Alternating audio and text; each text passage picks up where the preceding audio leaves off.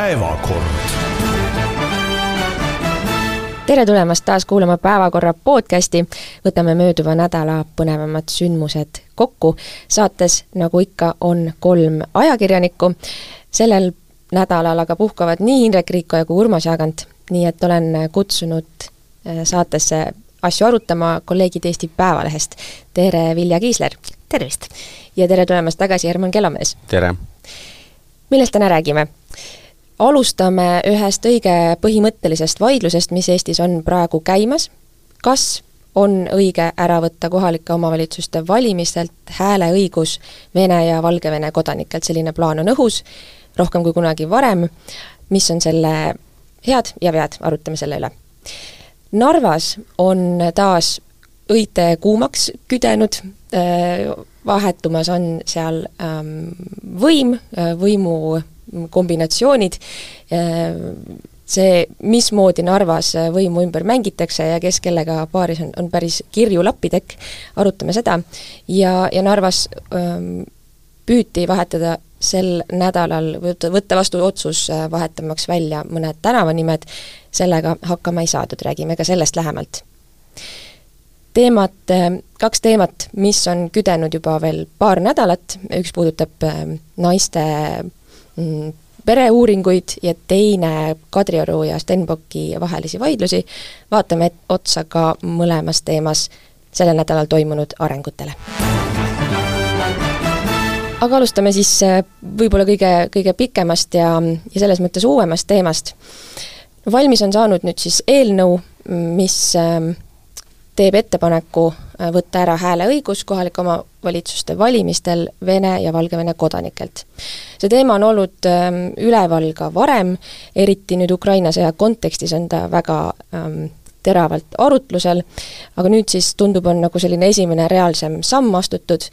ähm,. Lauri Läänemetsa sõnul valmis see eelnõu Reformierakonna kontoris, mistõttu tema seda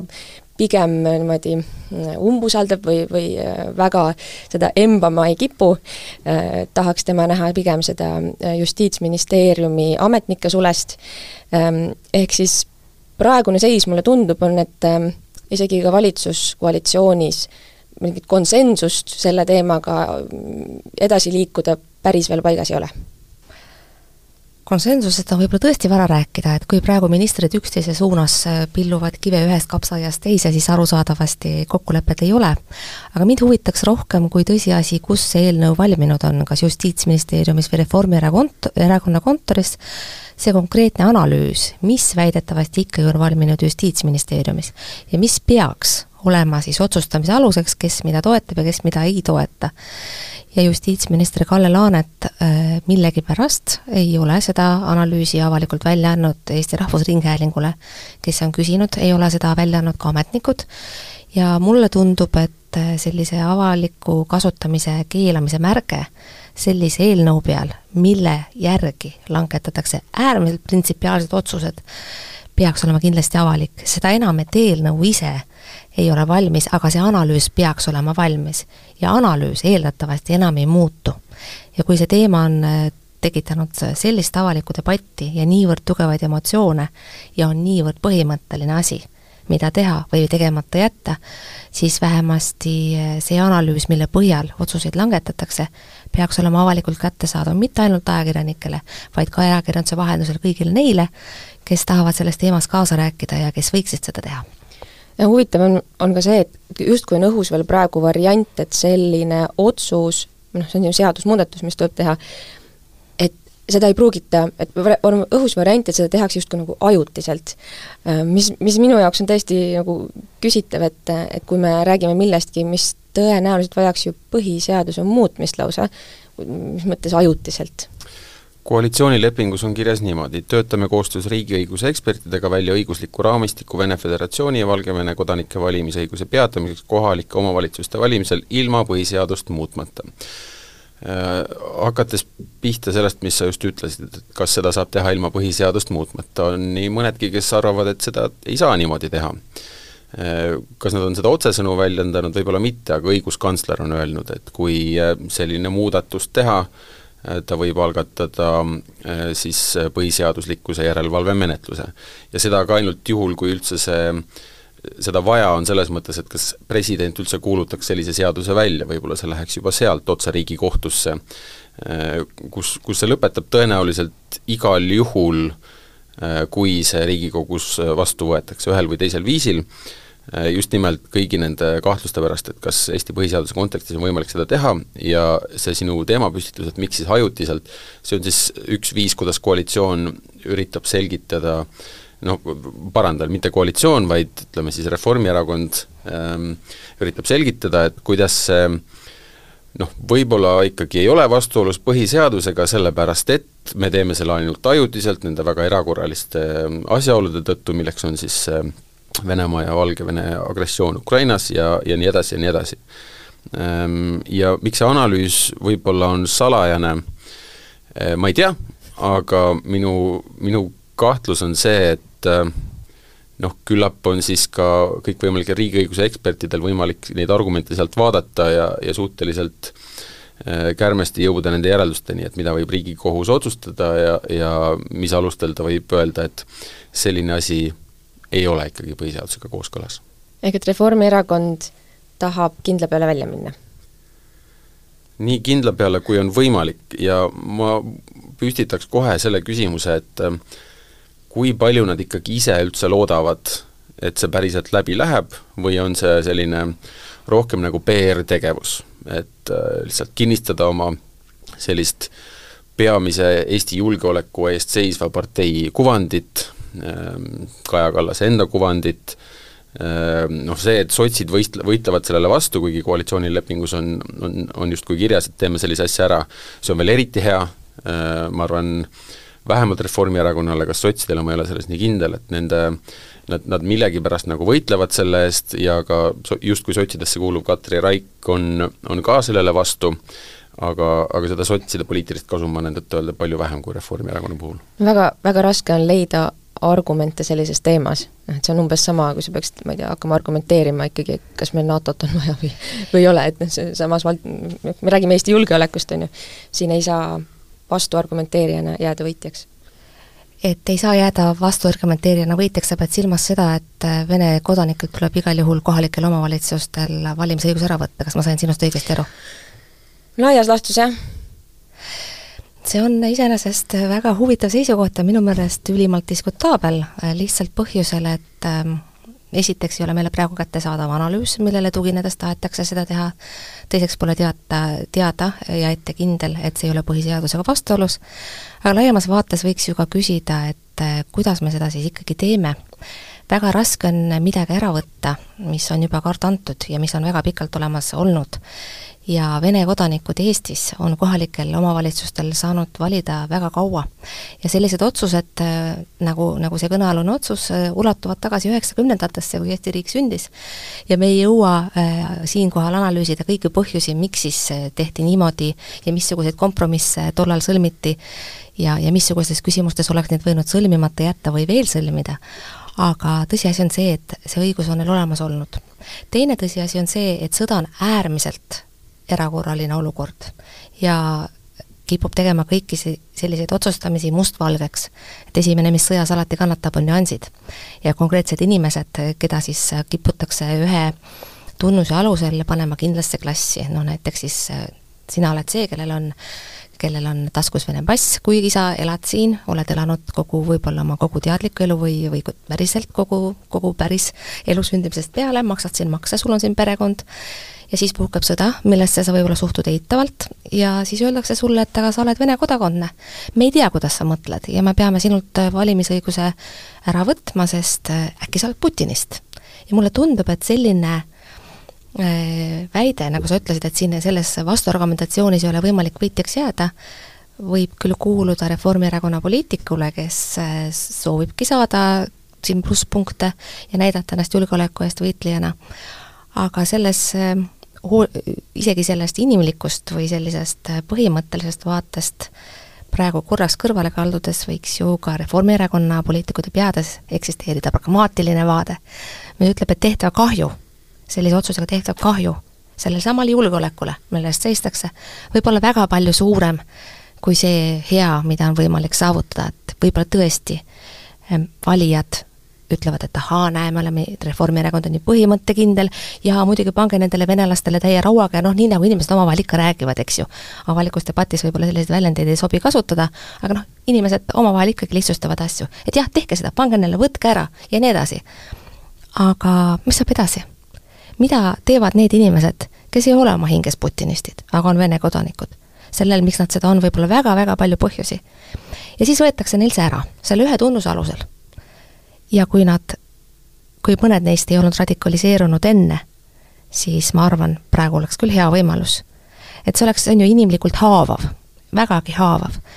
ja kui arvestada seda, et nendel Vene kodanikel peale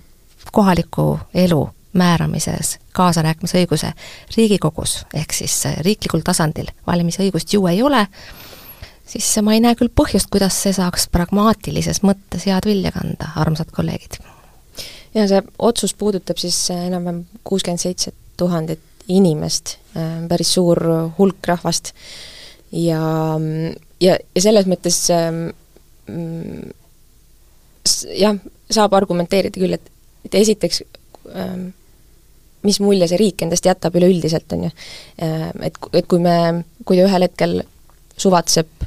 ähm, mingit teatud riigi kodanikelt õiguse lihtsalt ära võtta, et mis, mis, mis on see järgmine rahvusgrupp, on ju, keda siis hakatakse diskrimineerima. täpselt, mis ja, on see järgmine tunnus, mille alusel me paigutame su kasti, just et, et selles mõttes äh, absoluutselt äh, ma, ma ei ole nagu nii, nii radikaalne ja aga meil on, mul on hea meel, et meil see, see diskussioon äh, tekkis, sest et äh, tegelikult selle ümber see arutelu peaks, peakski käima, on ju. Et mis äh, mida me riigina tahame taotleda. ma soovitaks seda korra vaadata ka niimoodi isiklikust perspektiivist või kujutades ennast nende inimeste asemele, kellele praegu öeldakse, et teil on Vene kodakondsus, järelikult olete putinistid. noh, ma arvan, et enamik meist on elanud mingit aega mõnes teises riigis, noh, kes õppis, kes tegi tööd, et see on kogemus, teises riigis elamise kogemus on meie põlvkonnal enamasti olemas, minust noorematel kindlasti veel rohkem kui minul. ja noh, ma kujutan ette, et et selle põhjal ma võin teha mingisuguse üldistuse, et kui ma tõesti elaksin seal riigis pikemat aega, kuidas ma ennast tunneksin, kui minuga käitutaks samasugusel viisil. et noh, oletame näiteks, et ma elan mingil põhjusel Saksamaal või Prantsusmaal ja siis puhkeb äh, sõda, milles osaleb siis see riik, kust ma pärit olen. no juhtumisi oletame, et ma olen pärit Venemaalt, eks ju. ma, me oleme pärit endisest Nõukogude Liidust teatavasti, seda ette kujutada ei peaks olema nii kohutavalt raske ja siis ma olen oma hinges selle sõja vastu, ma võin võib-olla olla sõja vastu üleüldse ja olla patsifist, patsifist, aga see konkreetne sõda on minu meelest suur ajalooline eksitus. ja siis ütleb see riik, milles ma elan, et aga sa me, võib-olla usaldasid siis mind enne ja sinu maksud olid meile head küllalt. ja see on tore, et sinu perekond kasvab siin ja kõik nii edasi, aga nüüd me kahtlustame sind ja sa pead leppima sellega, et sõda käib ja sa, sa oled järsku kahtlane selle ühe konkreetse tunnuse alusel. et kui me kujutame ennast sellises olukorras, siis võib-olla saab natukene selgemaks, miks see nii küsitav on. rääkimata siis pragmaatilisest vaates, äh, vaatest erakonna silmis. see muutub küsitavaks ka väga konkreetsetel põhjustel, kui me vaatame oma omavalitsuste lõikes, et mida see siis tähendab, et järgmised kohalikud valimised on meil kahe aasta pärast, kaks tuhat kakskümmend viis sügisel, eelmised olid kaks tuhat kakskümmend üks ja me teame, ähm, et näiteks Narvas üks kolmandik kõigist valijatest olid Vene kodanikud, Sillamäel nelikümmend viis protsenti Ehm, Kohtla-Järvel, Narva-Jõesuus veerand. see on noh, eriti nendes linnades on see ka piisav, et tulemust otsustada. kuigi Tallinnas on see ainult kuus protsenti, siis kui me vaatame, kui napp on olnud jõudude vahekord juba ma ei tea, kui mitmeid valimisi järjest, ka see on piisav, et, et teha valimistulemuses oluline vahe sisse ja noh, kõigele sellele, mis Vilja just ütles, lisandub see väga konkreetne arvudes seletatav dimensioon, äh, saab öelda, et näed, siin keskvõim Äh, üritab siis äh, noh, on see meetod moraalne või põhiseaduspärane, mis iganes ta on, fakt on see, et üritatakse tekitada olukorda, kus nendes omavalitsustes oleksid endale meelepärasemad äh, jõud võimul ja et oleks teistsugune valimistulemus kohalikel valimistel. ja ma korraks viitan tagasi, jätame need üheksakümnendad praegu rahule, eks ole, sinna me ei jõua, aga meenutame kohalikke Riigikogu valimisi, kus kõigil oli kohutav šokk see, et äh, Aivo Peterson ja Mihhail Stalnuhhin oleksid äärepealt saanud Riigikogusse. minu meelest äh, poliitilistes erakondades oli see kõigis üllatus, see oli üllatus ka avalikkusele, ajakirjanikele, võib-olla ainult kapo vist nii palju, kui ma asjadest olen aru saanud, et tema ei üllatunud selle üle. aga see üllatus oli meeletu ja, ja tõesti väga vähe jäi puudu, et nad seal oleksid. Aivo Peterson istub praegu öö, ta on kinni peetud, eks ole, millal välja saab, ei tea, teda kahtlustatakse teadagi milles, õigusvastases teos Eesti riigi vastu. aga nüüd, see ei meeldi meile. see oli, see oli šokk ja kui me nüüd kujutame ette, et me saame kuidagi parteidena või või siis ka äh, avalikku debatti kuidagi vahele jättes muuta mingit põhimõttelist äh, seadust, mis äh, muudab ka valimistulemust, et siis tekib laiem küsimus, et ähm, kas meil on ikka demokraatia ja kas sõja ajal demokraatia kehtib. ja kas me räägime sõja ajal mingisugusest teisest demokraatiast kui tavaliselt? Või on see ikka seesama demokraatia, see demokraatia, milles me tahaksime elada, või siis mõned ei tahaks, eks ole. et need on väga-väga põhimõttelised küsimused, mida ei saa äh, öelda vastusega, et jah, et meil on sõda, me peame äh, mõtlema julgeolekule ja langetama kiireid otsuseid. et äh, siis me paneme löögi alla ka demokraatia kui säärase, sest äh, väga palju öeldi pärast kahe tuhande üheksateistkümnenda valimisi, kui EKRE sai valitsusse, et et jaa, et siin mõned ajakirjanikud ja ka poliitilised jõud ei taha tunnistada valimistulemusi ja no kuidas siis ei või EKRE-ga valitsus moodustada ja et siin mingisugused poliitilised parteid on ette tühistatud, küsimus ei ole selles. ka praegusel juhul ei ole küsimus selles, et mingisugused konkreetsed poliitikud oleksid tühistatud või nad ei võiks valimisi võita. hoopis teine küsimus on, eks ole, see, kes moodustab valitsuse ja kelle koos ta teeb, see on teine asi. aga kui konkreetne partei, praegusel juhul Reformierakond, seab eesmärgiks selle, et kohalike valimiste tulemus oleks teistsugune, siis võib küsida, et kas äkki sama kiusatus ei teki ka Riigikogu valimiste puhul. ja kui tekib, siis mismoodi see realiseerub? et ma, ma näen, et see on selli-, sellise ukse lahti tegemine ei ole süütu. omakorda viib see ju tagasi selle, alati selle põhi, põhituumani ja põhiküsimuseni, et äh, kuidas me tegeleme oma integratsiooniga. et, et Eestis ei oleks üldse sellist ähm, kahtlust õhus või üldse sellist arutelu õhus, äh, sedasama, et, et kas sinu kodakondsus määrab sinu meelsuse juba, on ju, et oled, kui sa oled venelane, oled sa putinist. Äh, kui, kui me ei oleks suutnud võib-olla varem ja, ja kui meil ei oleks juba ka praegu head plaani, mismoodi ümber keeratseda, mismoodi seda nagu erinevaid rahvaid siin on ju äh, sidusamaks äh, muuta. ja väga, väga raske on, no see, ongi erakorraline olukord Äh, ja mulle tundub, see olukord on veel nagu süvenevalt halb, sest me näeme, et Venemaa ei muutu äh, ei riiklikult ja ei muutu ta ka selles, kuidas ta mõjutab oma äh,, oma kodanikke teistes riikides. ja väga halb aeg tegelemiseks integratsiooniga on see, kui toimub parasjagu sõda, eks ole mm. -hmm. sõda ei soodusta integratsiooni kohe mitte kuidagi. aga ütleme, kui see küsimus läheks nüüd referendumile, selle kaudu saaks ju põhiseadust, on ju, muuta kas see oleks piisav debatt avalikkuses või see ei-jah küsimus muidugi Refer-, referendumitega on keeruline teema, et ma viitasin oma arutluskäigus praeguses mõttekäigus sellele, et see paneb kuidagi inimesed kasti ühe tunnuse alusel. aga kui see tunnus on midagi muud ja minu meelest referendum selliste küsimuste lahendamiseks, kus inimest käsitletakse ainult konkreetse tunnuse järgi, mida ta ei ole vabatahtlikult valinud,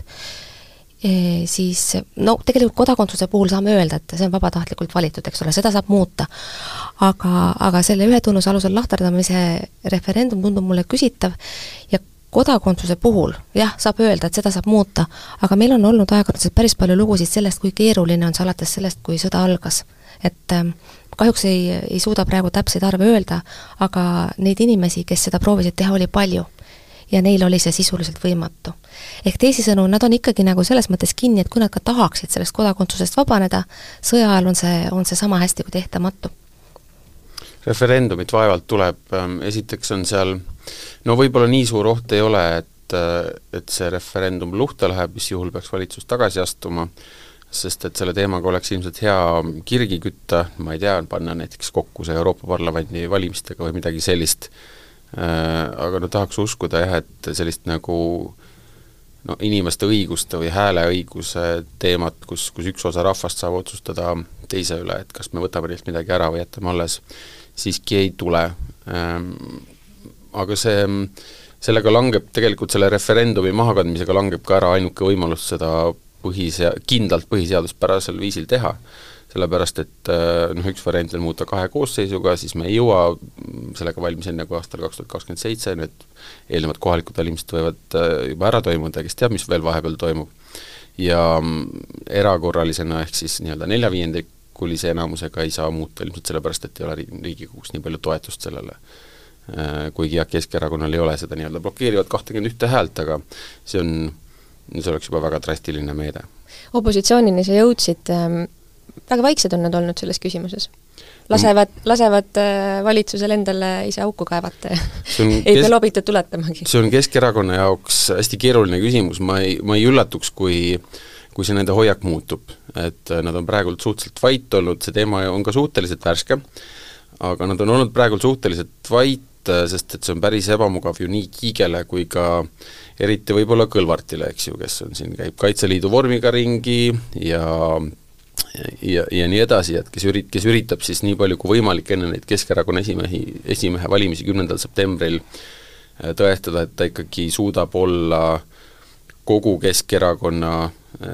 esimees, ehk siis, ehk siis koondada kogu selle senise Keskerakonna valijaskonna, ehk siis et, et see partei ei jääks selliseks nagu teisejärguliseks Reformierakonna ja, ja EKRE järele sellepärast on see Kõlvartile hästi ebamugav ja Kiigele on see hästi ebamugav täpselt samal põhjusel, eks ju, ta tahab täpselt sama asja teha ja tema peab siis neid pigem nagu venekeelseid keskerakondlasi ka ähm, vaatamata sellele, et ta vene keelt ei oska, suutma kuidagi mm, ühendada selle se-, selle oma tiivaga. no Ratas on omad kommentaarid andnud, Jüri Ratas, ja noh, loomulikult talle see plaan ei meeldi ja tema siis kasutab seda retoorikat, mida Keskerakond on varasemalt kogu aeg kasutanud, eks ole, seal ühtegi üllatavat aspekti ei ole, aga ega Ratase arvamus selles asjas enam eriti kellelegi korda ei lähe. et Keskerakond vaatab, vaatab tulevikku ja vaatab, kes see uus juht on, ja ma kahtlustan muide, et sinu ette toodu, toodud selline dilemma nendel kahel juhil on mõlema jaoks suhteliselt lootusetu, sest äh, kui keegi arvab, et pärast äh, era-, Keskerakonna uue juhi valimisi saabub erakonnas mingisugune ühtsus ja et äh, Kiigest või siis Kõlvartist saab kogu erakonna juht ja et sellega on kõik asjad ühel pool, siis ma kahtlustan, et ta eksib sügavalt. Keskerakonnal on tõenäoliselt kõigist nendest Riigikogu erakondadest kõige rohkem kaotada sellest muutusest. see on asi, mida me peame paraku kõhutunde pealt ütlema, et kui meil oleks sellised kvaliteetsed lävepakuküsitlused pärast kohalikke valimisi, kus me saame teada siis, et mis tunnustega inimesed mismoodi hääletavad, oleks seda lihtsam teha, aga aga no lihtne näide olekski see, et no see Narvas kuidagi võimule taassaamine, ainuvõimule, oleks veel lootusetum Tallinna võimu kaotamine on palju lihtsam, Sillamäe ainuvõimu kaotamine on täiesti võimalik, Kohtla-Järvel ähm, tõenäoliselt nende positsioon oleks veel kehvem, nad juba praegult ei ole olnud terve see aeg võimul, ja nii edasi ja nii edasi, et need kantsid, mida Keskerakonnal on vaja, kus hoida ka noh, siis ametnike tasandil mingeid oma inimesi, et neil oleks siis äh, inimtööjõud ja töötunnid, mida panna, ma ei tea, kuhu iganes valimiskampaaniatesse või oma poliitikute toetamisse, et nad ei peaks ise tööd tegema see, see üksjagu väheneks, nii et selles mõttes Keskerakonnal on nagu kaks režiimi, et üks on olla vait ja teine on rääkida ja olla ikkagi vastu sellele, et seda, et keegi neist hakkaks seda toetama, ma ei kujuta ette. no see on ikkagi Keskerakonna ajalooline taak ka, eks ole, see, mida, mida tehti Savisaarele, mida tehti Ratase ajal, et see, see paradigma muutus vägagi küsitavaks ja see, see küsit-, küsimärk oli siiani ära kadunud. et mi-, mille tekitas sõda Keskerakonna kohale.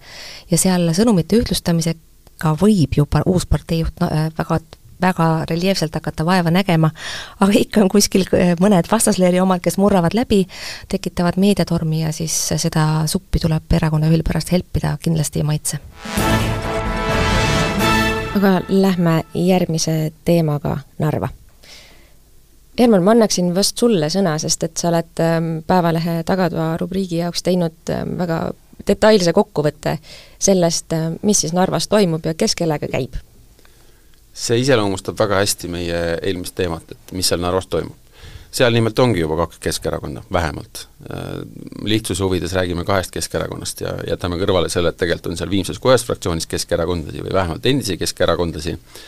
aga lühidalt on asi siis selline, Katri Raik oli linnapea ja tõenäoliselt jätkab linnapeana aga need, kelle toel ta võimul püsib, see on muutumas, ta on sellest oma nimekirjast, mis sai viisteist kohta ehk peaaegu absoluutse enamuse seal kolmekümne ühe liikmelises volikogus, kaotanud peaaegu pooled oma toetajad, et see ei olnud mingisugune selline ähm, tema lojalistide ja suurte sõprade klubi, kuigi selle asja nimi oli Katri Raigi nimekiri, need ei olnud seal Katri Raik kaks, Katri Raik kolm,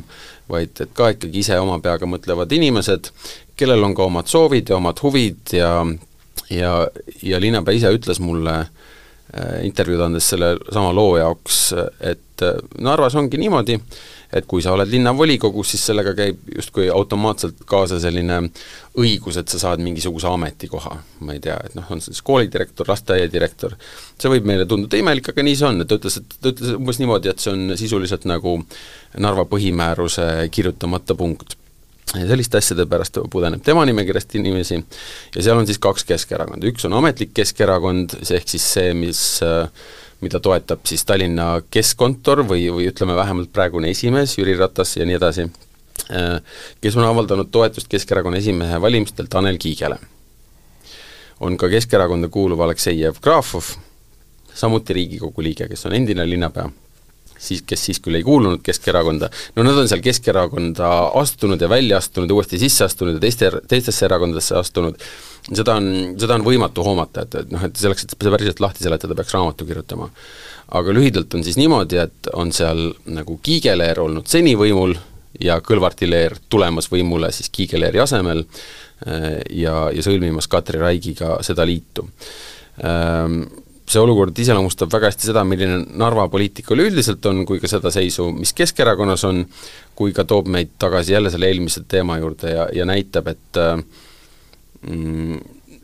et mis, mis võiks siis selle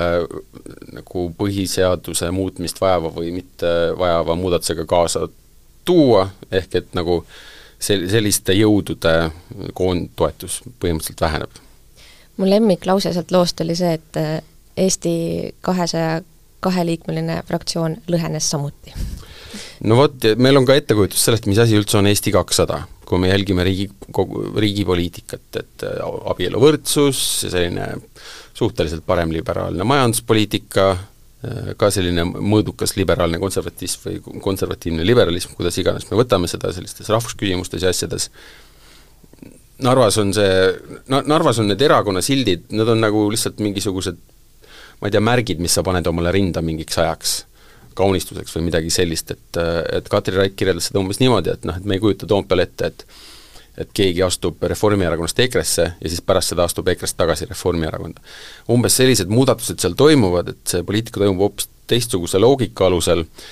need liidud seal, seal lagunevad ja tekivad, tõenäoliselt ei ole see viimane koalitsioon sellel valimisperioodil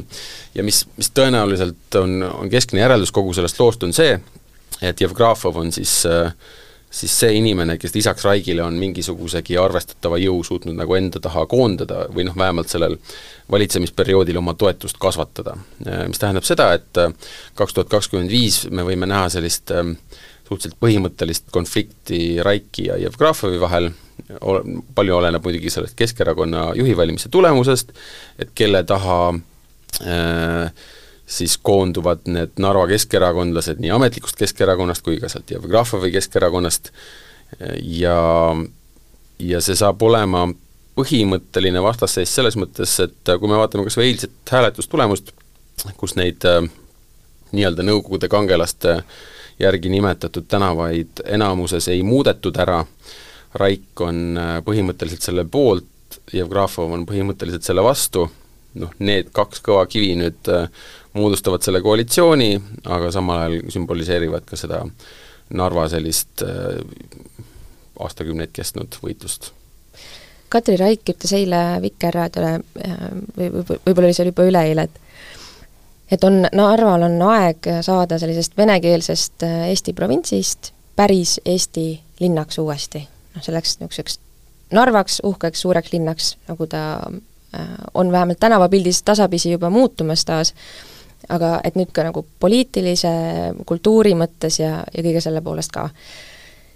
ja siis samal ajal ma kuulen, on ju, neid, ka tema nagu argument või seda selgitust, et noh, et miks me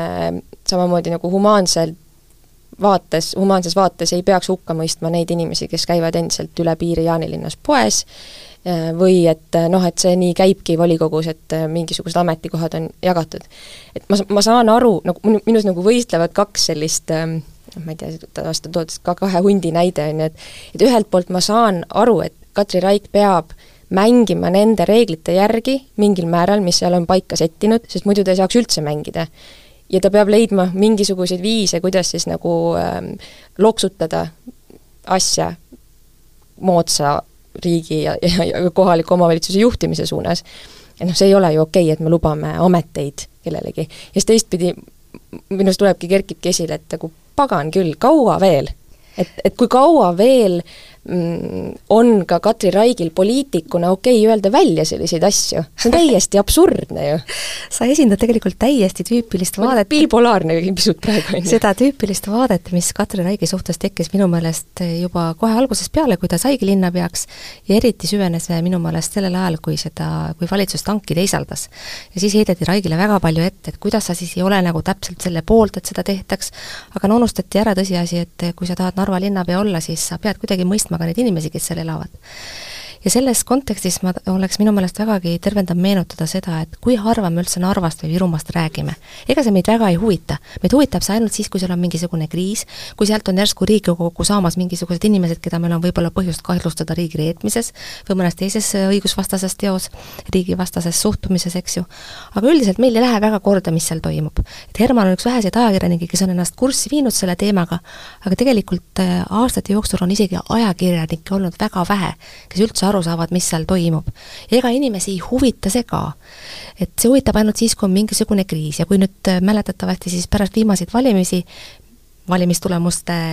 sellisele ehmatavale kvaliteedile, mis tuli Ida-Virumaalt, ma juba eespool viitasin, siis otsustati järsku sinna saata eriesindaja. aga see on jällegi meile ajaloost tuttav olukord, kindlasti mäletate seda Narva referendumit, kui saadeti, see oli üheksakümnendatel, kui Indrek Tarand sinna saadeti asju korda looma, ja mida muide väga huvitaval viisil äh, hoopis ilukirjanduslikus võtmes käsitleb näiteks Tarmo Vahter, raamatus Hea venelane, mida ma soovitan lugeda, päris hea meelelahutus, aga konkreetne ajalooline taust just sellest Narva referendumi aegadest. aga ühesõnaga, mida ma tahan öelda, on see, et me vaatame Ida-Virumaad ja Narvat ainult siis, kui seal on mingisugune kriis. ja siis otsustatakse, et saadame sinna kedagi, anname sinna raha, eks ole, valitsus andis ju raha ka. ja nüüd siis kajastame, eks ole, kas jääb Raik võimule või ei jää, jääb või ei jää, ükskõik kumb otsus langeb, me unustame selle teema kohe ära ja nad, see ei ole nagu mingi asi, millega päriselt tahetaks tegeleda, sa küsid, kaua võib, kolmkümmend aastat on võinud. ja see ei saa, eh, see on asi, mis ei saa nii kergesti muutuda, kuna tegelikult meid väga ei huvita mis seal toimub, mida need inimesed arvavad, me täpselt ei tea, mida me neist tahame ja mida üldse peaks peale hakkama, eks ole, et igasugune, iga poliitiline rühmitus saab siin oma profiiti lõigata, meie saame siin imestada, kuidas Raik nõnda saab, eks ju, noh ja siis äh, homme on see unustatud. no vot, nüüd siis kivi on ju meie ajakirjanike kapsaaeda, ähm, kas meil on nüüd see õigustatud siis minna Narvast nõudma samadel printsiipidel läbipaistvust, ausust, samasugust kultuuri poliitikas, et kas me teeme siis liiga, noh et tulles tagasi nagu eelmise teema juurde, et, et siin tuleb siis, et noh, peame ikkagi nagu arvestama, et inimestel,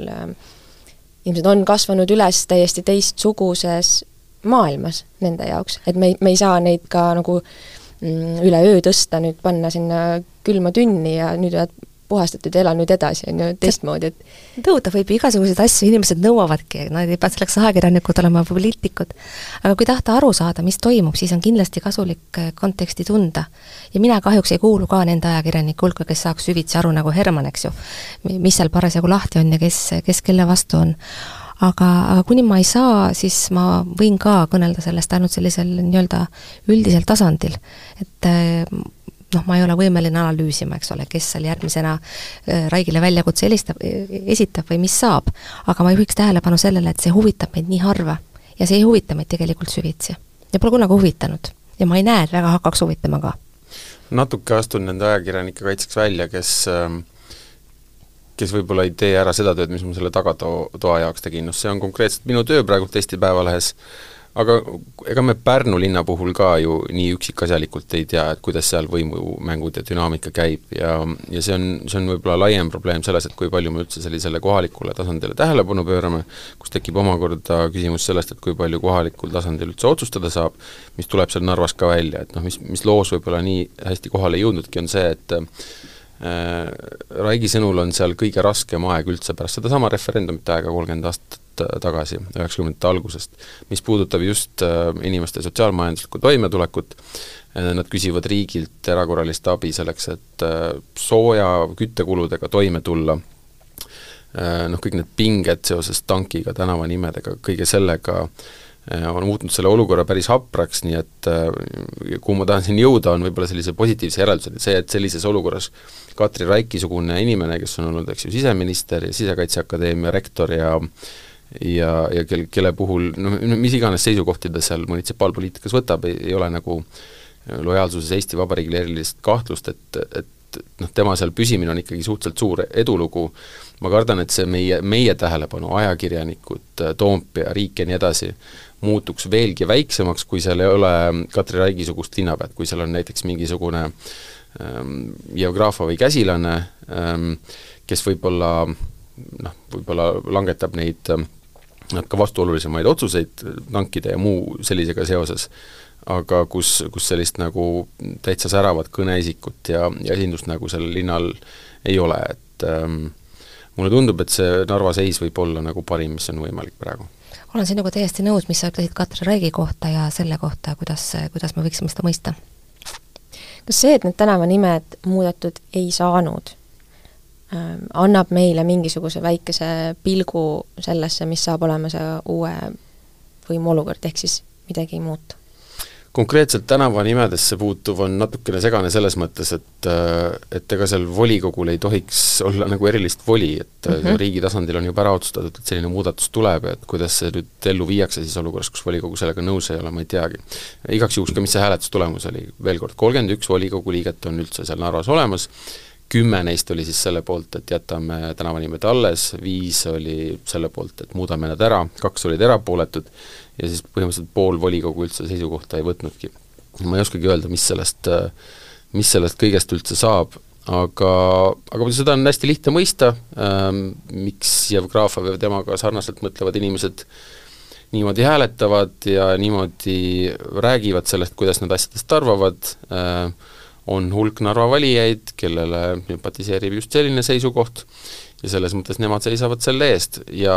ja Raik ise on ka lahutanud või nad kõik on vist lahutanud selle tänavanimede küsimused, kõik need kultuurisõja küsimused äh, siis sellest, et kes on võimul ja, ja milline see liit on. mis omakorda näitab ka muidugi seda, et äh, et, et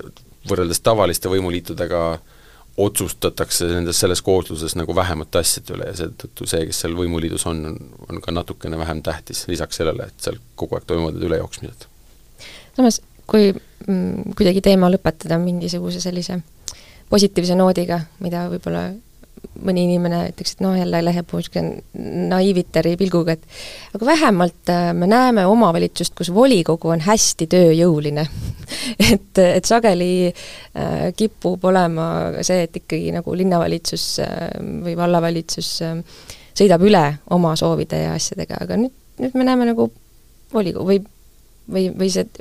no, Herman nagu vaatab mind väga pika pilguga, et ei tea, kas saab kokkuvõtteni, jah? see on tegelikult täpselt see, mida Jevgrafov Raikile ette heidab või noh, sellisele võimuliidule, et volikogu kaasatakse liiga vähe, et võime siin mm. vahepeal Narva mm. linnale õnne soovida selles mõttes, et toimus neil esimene ajalooline istung siis vanas, nüüd renoveeritud äh, Raekoja hoones,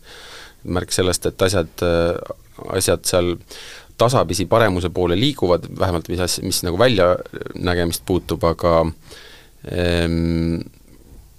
veel kord, et seal vist kuusteist volikogu liiget oli sellel hääletusel kohal Narvas, et seal on selliseid asju veel, muide, tegelikult on oluline mainida, et noh, et üks lakmus sellele, et kas see võim päriselt vahetub ka või mitte, me selleni tegelikult ei olegi jõudnud, et see tegelikult ei ole kindel, et seal on nagu, seal on nagu kolm või neli etappi, üks on umbusalduse esitamine siis senisele volikogu esimehele, senise koalitsiooni esindajale siis on selle poolt hääletamine ja siis on ka uue võimu või noh, uue volikogu esimehe kinnitatud saamine. üksteist allkirja oli sellel volikogu esimehe Tatjana Stofalti ehk siis äh, ametliku Keskerakonna liidri äh, umbusaldamise avaldusel all, seitseteist on vaja, et umbusaldada, kuus nime peab kuskilt veel tulema, kas nad tulevad, ei tea. nii et, nii et ootame ja vaatame. hästi, ootame ja vaatame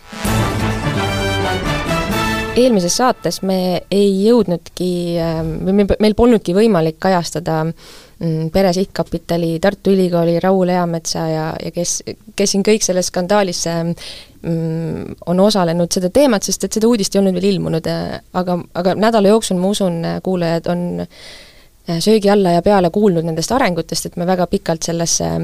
probleemipüstitusse äh, enam ei süvene, aga, aga vaatame seda, mis on toimunud sel nädalal väga tervitatav oli ja ma peaaegu et tõusin püsti ja hakkasin plaksutama, kui lõppes Toomas Asseri pressikonverents, Tartu Ülikooli rektori pressikonverents, kus ta teatas, et on täiesti on, on, on kolm punkti, mille vastu sotsiaalteaduste dekaan Raul Eamets on eksinud, Ehm, seal oli siis seaduse rikkumine, seal oli ka teaduseetika rikkumine ja, ja väga tugev mainekahju nii ülikoolile kui teadlaskonnale üldiselt. ma ei mäleta nii jõulist, noh eriti Tartu Ülikooli poolt, et et kui on nende enda töötajates äh, puutuv mingisugune probleem õhus ja, ja viimati noh, tulevad pigem meelde mingid sellised ütleme, ahistamisskandaalid või, või kahtlused selles, et on Äh, on üksteise suhtes väga äh, ebasobivalt käitutud, et, et siis ülikool võtaks nii jõuliselt sõna. Äh, ja ma kartsin, ma tõesti pelgasin, et, et siin ka ähm, hakatakse võib-olla keerutama ja, ja Eametsa nägu päästma, aga seda ei toimunud ja see on väga hea, see on suur plusspunkt Tartu Ülikoolile, see on muidugi ka loogiline, et seda ei toimunud, sest et ähm, need tõendid on ümberlükkamatud ja ülikool kindlasti ka noh, kommunikatiivselt tahab ennast nii võimalikult kaugele sellest äh, naiste sündimusuuringust lükata, kui vähegi saab. Äh, et ma ütleks, et see on nagu, on hea areng, mis on see nädal olnud, Raul Eamets äh, ei nõustu, lubab minna kohtusse, aga nüüd siis äh, eile äh, pidi toimuma sotsiaalteakonna äh,, sotsiaalteaduskonnas siis äh, Eametsa umbusaldamine, mis määraks tema dekaani ameti positsiooni ja see umbusaldamine jäi ära äh, põhjusel või selgitusel, et on vaja rohkem dokumente läbi töötada, ennast rohkem kurssi viia, ja siis minu käed vajusid rüppe, et äh, kuidas nüüd siis nii. see monoloogi lõpetuseks ma lihtsalt annan teile sõna, et kuidas, kuidas teie seda äh, kõik kokku võtate? minu jaoks oli see üllatus, ausalt öeldes mm. -hmm. aga kellelegi ei saa ju ette heita seda, et ta soovib asja lähemalt uurida, enne kui ta oma otsuse langetab ja eametsa kaitsmine on tõepoolest jäänud nüüd tema enda õlgodele, mäletame seda intervjuud Priit Pulleritsega Postimehest, ma soovitan väga seda lugeda, et iseenesest väga kõnekad, kõnekad suhtumised ja kõnekad viited, mis annavad siis aimu sellest, mis, kuidas ta asjadest ise aru saab ja kuidas ta kavatseb edaspidi toimida. aga tõsiasi on see, et kolm kuud on ta siis veel tööl, kuni ülikool saab oma asjad ümber korraldatud ja praeguse seisuga on tõesti küsitav, missuguse otsuse siis Sotsiaalvaldkonna nõukogu liikmed langetavad, kui nad praegu võtsid aja maha ja leiavad, et see, mis avalikult teada, ei ole piisav selleks, et Eamets dekaanina jätkata ei saa. ma veel kord, ma olen sellest mitmes, mitmel pool rää-, juba viidanud sellele, aga ma veel kord tahaksin rõhutada neid huvide konflikte, mis minu meelest on Eametsa puhul niivõrd kõnekad ja noh, neist ei saa nagu mööda vaadata, mis ilmselt olid siis ka Asseri otsustuse aluseks esiteks ta kuulub Pere Sihtkapitali nõukokku, on Tartu Ülikooli professor ja dekaan, kes sisuliselt sõlmis lepingu iseendaga. ja teine huvide konflikti koht, mida, mis on siinkohal ka oluline, on kuulumine Parvel Pruunsilla suuromanduses Bigbanki nõukogusse ja riigieelarve nõukogusse, mis otsustab ka selle üle, missugune on näiteks pankade maksustamise poliitika kujunenud kriisiolukorras, viidates siis Leedu näitele, et siin mõned pangad on liiga rasva läinud ja peaks natukene panustama rohkem solidaarsusse. et need kaks huvide konflikti on niivõrd kõnekad, et kui neid ei veena Sotsiaalteaduste valdkonna nõukogu, siis eh, võiks ju küsida, et äkki veenab neid selle küsimustiku ebadiskreetsus või või siis juriidilised asjaolud, näiteks seesama toimingupiirangu rikkumine, mille millele vastavale paragrahvile toetudes mõideti, mõisteti Riigikohtus lõplikult süüdi selline ärimees nagu Neimar, äh, Neinar Seli, kes siis ka istus kahel toolil korraga ja jäigi lõplikult süüdi toimingupiirangu rikkumises. toimingupiirangu rikkumisest äh, iroonilisel kombel rääkis esimesena muide Eamets ise. loomulikult ei ole mina see, kes äh, oskaks öelda, kas sellesama paragrahvi alusel saab käsitleda ka tema enda tegevust, nagu Neinar Seli puhul, aga kriminaalasja pole esialgu algatatud, küll aga siis väärteomenetlus politsei poolt, mille tulemused pole muidugi ette veel teada.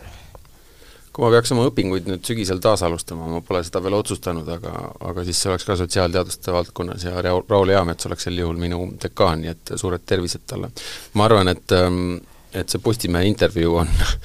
ka üks asitõend sellele kahekümne viie liikmelisele ähm, valdkonna nõukogule, mis äh, pidanuks tegema suhteliselt selgeks, et äh, hea meelt tuleks nagu nelja tuule poole saata, äh, et äh, see selline suhteliselt ülbitsevas stiilis enesekaitse olukorras, kus noh, need asjad, mis Vilja välja tõi ja veel mitmed asjad, mm, nagu see, et noh, seda olukorda ei oleks pidanud üleüldse tekkima, et noh, et kui sa oled seal kui sa oled seal nõukogus, siis ja see sihtasutus tahab ülikooliga mingisugust koostööd teha, siis ülikooli poolt teeb seda keegi teine. või siis sa tuled sealt nõukogust ära või noh, tegelikult peaks siis samal ajal juba sealt Bigbanki nõukogust ka juba ära tulema, noh see kõik näeb nii halb välja lihtsalt. ja, ja, ja nüüd hakata rääkima mingisugusest poliitilistest rünnakutest ja hakkama käituma sisuliselt nagu, nagu mingisugune keskmine keskerakondlane või ekrelane sellistes olukordades, see on muidugi ülikoolile, ma arvan, selline mainekujunduslikult noor katastroof. Äh, mul oli see natuke väiksem üllatus küll, et, et sellest umbusaldamisest praegu asja ei saanud ähm, kahel põhjusel, esiteks see kahekolmandikuline enamus, mida on vaja, on suhteliselt, suhteliselt kõrge lävend äh, ja äh, ja noh, see tähendab siis seda, et Eamees koos kaheksa kolleegiga saab põhimõtteliselt blokeerida seda, et eh, eks tal seal aja jooksul on neid sõpru tekkinud ja ja selliseid, kes noh, võib-olla ise siin ütleks, et neil on objektiivsed küsimused, aga, aga kelle, kelle otsustamist võib-olla varjutab siis see, et et noh, kuni on võimalik mingisugune väiksemgi kõhklus eh, tuvastada, siis siis eh, noh, ikkagi vaatame ja kaalume ja, ja kuidas ikkagi oli, aga noh, põhiline põhjus, miks see halb välja näeb, on see, et minule ei ole küll selge, et mis on siis need mingisugused uued asjaolud, mis peaks veel selguma või miks on vaja kuu aega mõtlemisaega ehm,, Tartu Ülikool peaks jah ennast kokku võtma ma tahaks võib-olla selle skandaali nagu kokkuvõtteks, muidugi kokkuvõtmiseks on võib-olla veel varane aeg, eks ole, me ei tea, kuidas siin asjad edenevad, aga praeguse seisu kokkuvõtteks öelda seda, et kui nüüd keegi siin räägib sellest, et teadust tahetakse tühistada ja igasuguseid asju on vaja uurida, ja et ühel pool on ühed arvamused ja teised on teised arvamused, ja et see on üleüldse siin maailmavaateline küsimus, kuidas, missuguseid uuringuid tohib teha ja missuguseid mitte, siis andke andeks, see on diskussiooni tapmine ja tegelikult äh, selline natukene alternatiivsete faktide poole liikumine, mis äh, mitte, mitte, mitte mingil viisil ei aita kaasa tõe väljaselgitamisele ega ka arusaamisele sellest, mis juhtus. kohtusin eile Lea Danilson-Järgiga, kes on kuulunud sinna samasse Pere Sihtkapitali nõukogu ja Pikk praegu ei kuulu, tema käed on konkreetsest skandaalist puhtad, aga noh, Isamaa liige, eks ole,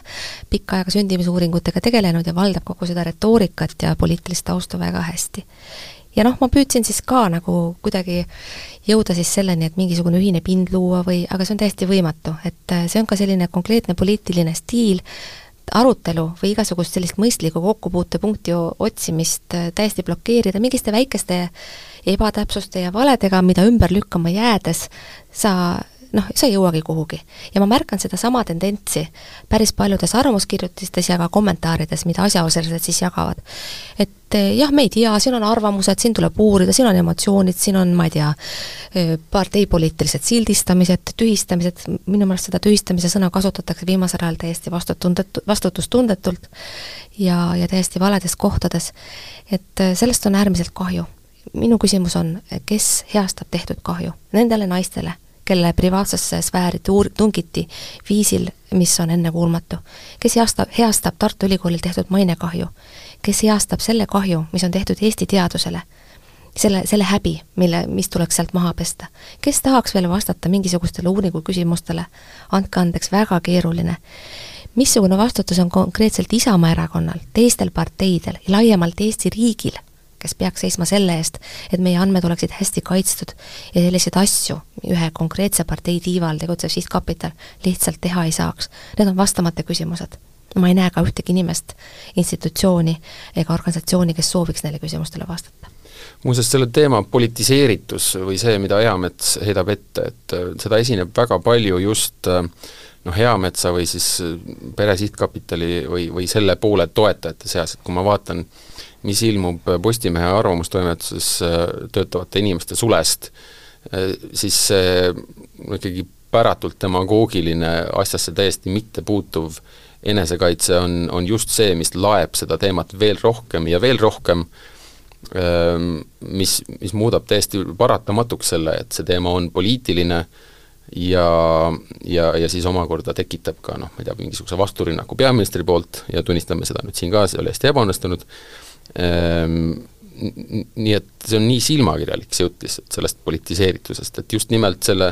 see, selle nagu rünnaku vasturünnak on olnud kõige poliitilisem asi selles, selles asjas üldse. ma eelmises, eelmisel nädalal käisin Raadio kahes arvamussaates Olukorrast riigis rääkimas ja seal äh, viitasin kuulajatele, et kes soovivad, siis eesti.ee kaudu saab ähm, oma noh, võtta siis tagasi enda loa või ütleme, pigem siis märkida, et sa, et sa ei ole nõus, et sinu andmeid kuskile mm, riik edasi saadab.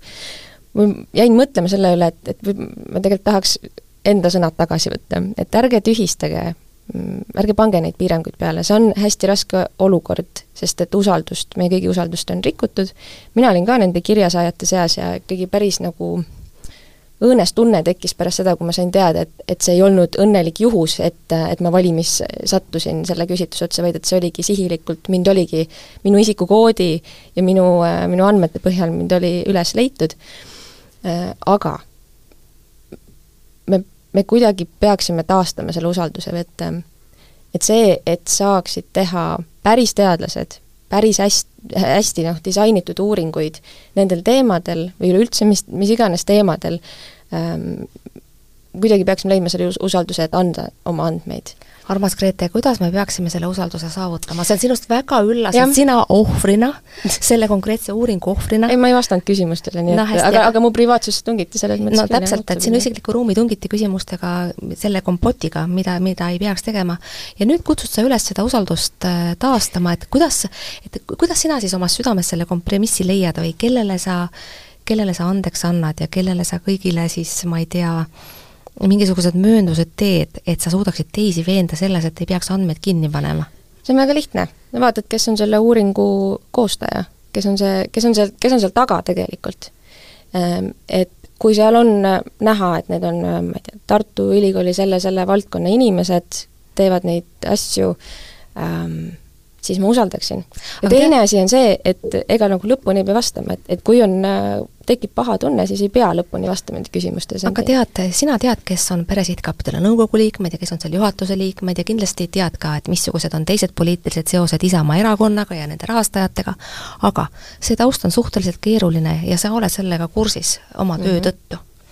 aga inimene, kes selle küsimustiku saab, võib üldse seista poliitikast väga kaugel. ja kui seal siis seisab selline nimi nagu Pere Sihtkapital, ei kõla ju halvasti. noh, loomulikult me võime öelda, et iga küsitluse saaja peab alati põhjaliku eeltöö ära tegema ja, ja mõtlema siis selle peale, et kes konkreetselt on need, kelle kätte tema andmed võivad sattuda, aga inim-, enamik inimesi ei tee seda. Nad usaldavad pimesi ja seda usaldust mis tegelikult ju võiks olemas olla, ongi kõige räigemal viisil kuritarvitatud, et ehk mina sinu asemel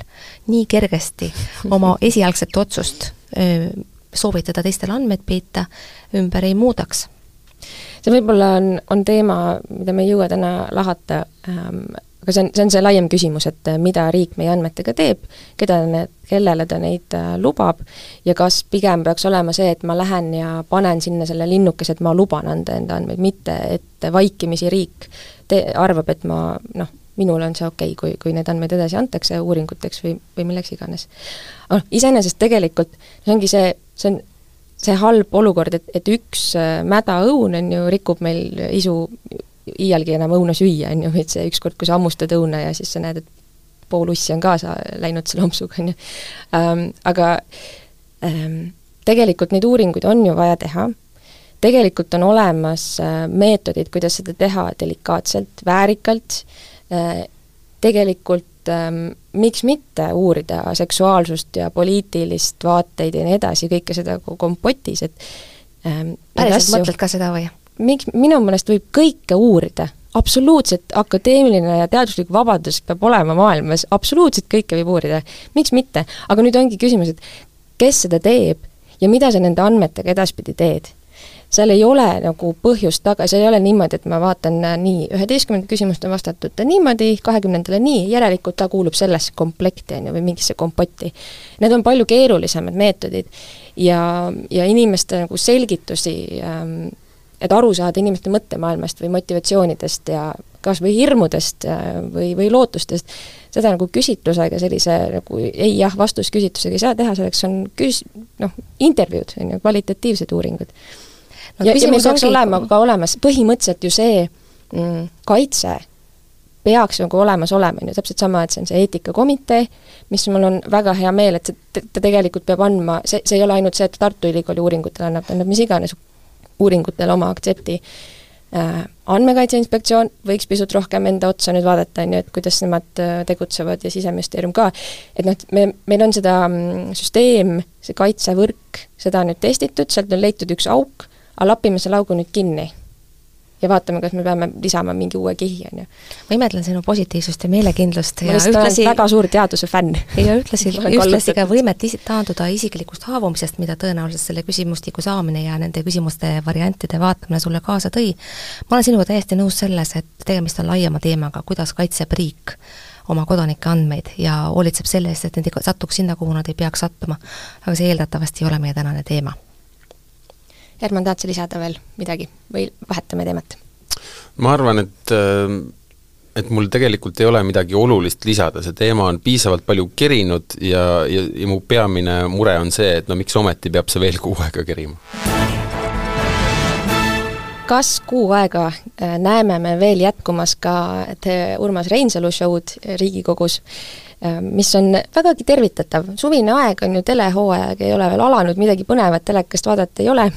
Pole Netflixis ka väga põnevaid sarju väljas. Ja ometigi väga tore, me saame teha lahti, vaadata Riigikogu äh, istung äh,, komisjonide istungeid ja, ja näha, kuidas kohtuvad Sildami ja, ja Võrklaeva pilgud ja, ja vaadata, mis on siis kehakeel nende inimeste vahel võin seda väga humoorikalt kirjeldada, muidugi olukord äh, ei ole noh, liiga naljakas tegelikult, et ähm, sel nädalal siis ähm, käisidki aru andmas siis Võrklaev ähm, tahate meenutada kantsleri nime? Merike Saks. Äh, ja Toomas Sildam rääkimas siis, kuidas, kuidas nende vaatest siis see käis, kas Sildam siis püüdis vorst vorsti vastu kaubelda midagi või mitte um,, paraku minu meelest Toomas Sildam jättis kasutamata hea võimaluse äh, oma nimi puhtamaks pesta või anda tegelikult selgitusi, mulle tundus äh, kohati nagu silmi pööritades või, või nagu ohates äh,, ta naeruvääristas kogu seda küsimust äh,, mis oli väga kahju vaadata. ja tal oli mäluga probleeme, vanasti nagu ei olnud? jaa, et, et noh, taaskord, minu meelest ma eelmine nädal siin juba ka rääkisin, et et Võrklaev, äh, kes äh, lihtsalt noh, minuti pealt otsib sul välja, on ju, oma SMS-i vahetused, vaatab kellaajad üle ja nii edasi nii edasi. miks Toomas Sildam seda teha ei võinud? tekib küsimus, et, et kas ta ei tahtnud neid detaile avada või ta lootis lihtsalt, et ta veenab oma sellise sarmika olekuga seal kuidagi ja, ja väikse nagu muheda, muheda vestlusega avalikkust enda kasuks see tema mäluprobleem minu jaoks on nagu peamine küsitavus, et äh, kui tal tõesti oli selline olukord, et ta ei mäletanud seda vestlust, äh, mis tal pidi olema Peep Jahiloga seoses sellega, et Võrklaev heitis ette seda telefonikõnet Sildami ja Võrklaeva vahel ja seda, et kuidas see oleks, olevat ebasobiv nende kahe teema, ehk siis Riigikogus seaduseelnõude äh, vastuvõtmise ja, ja presidendi kantselei raha küsimise vahel. Ähm, teine variant on ka, et ta ei mäleta sellepärast, et see vestlus kas äh, oli palju põgusam, kui, kui meile on mõista antud või seda võib-olla üldse ei toimunudki, või see toimus mingisugusel sellisel viisil ja sellises sõnastuses, mis, mis ei võimaldanud üldse Sildamil aru saada, et Võrklaeval mingisugune probleem on.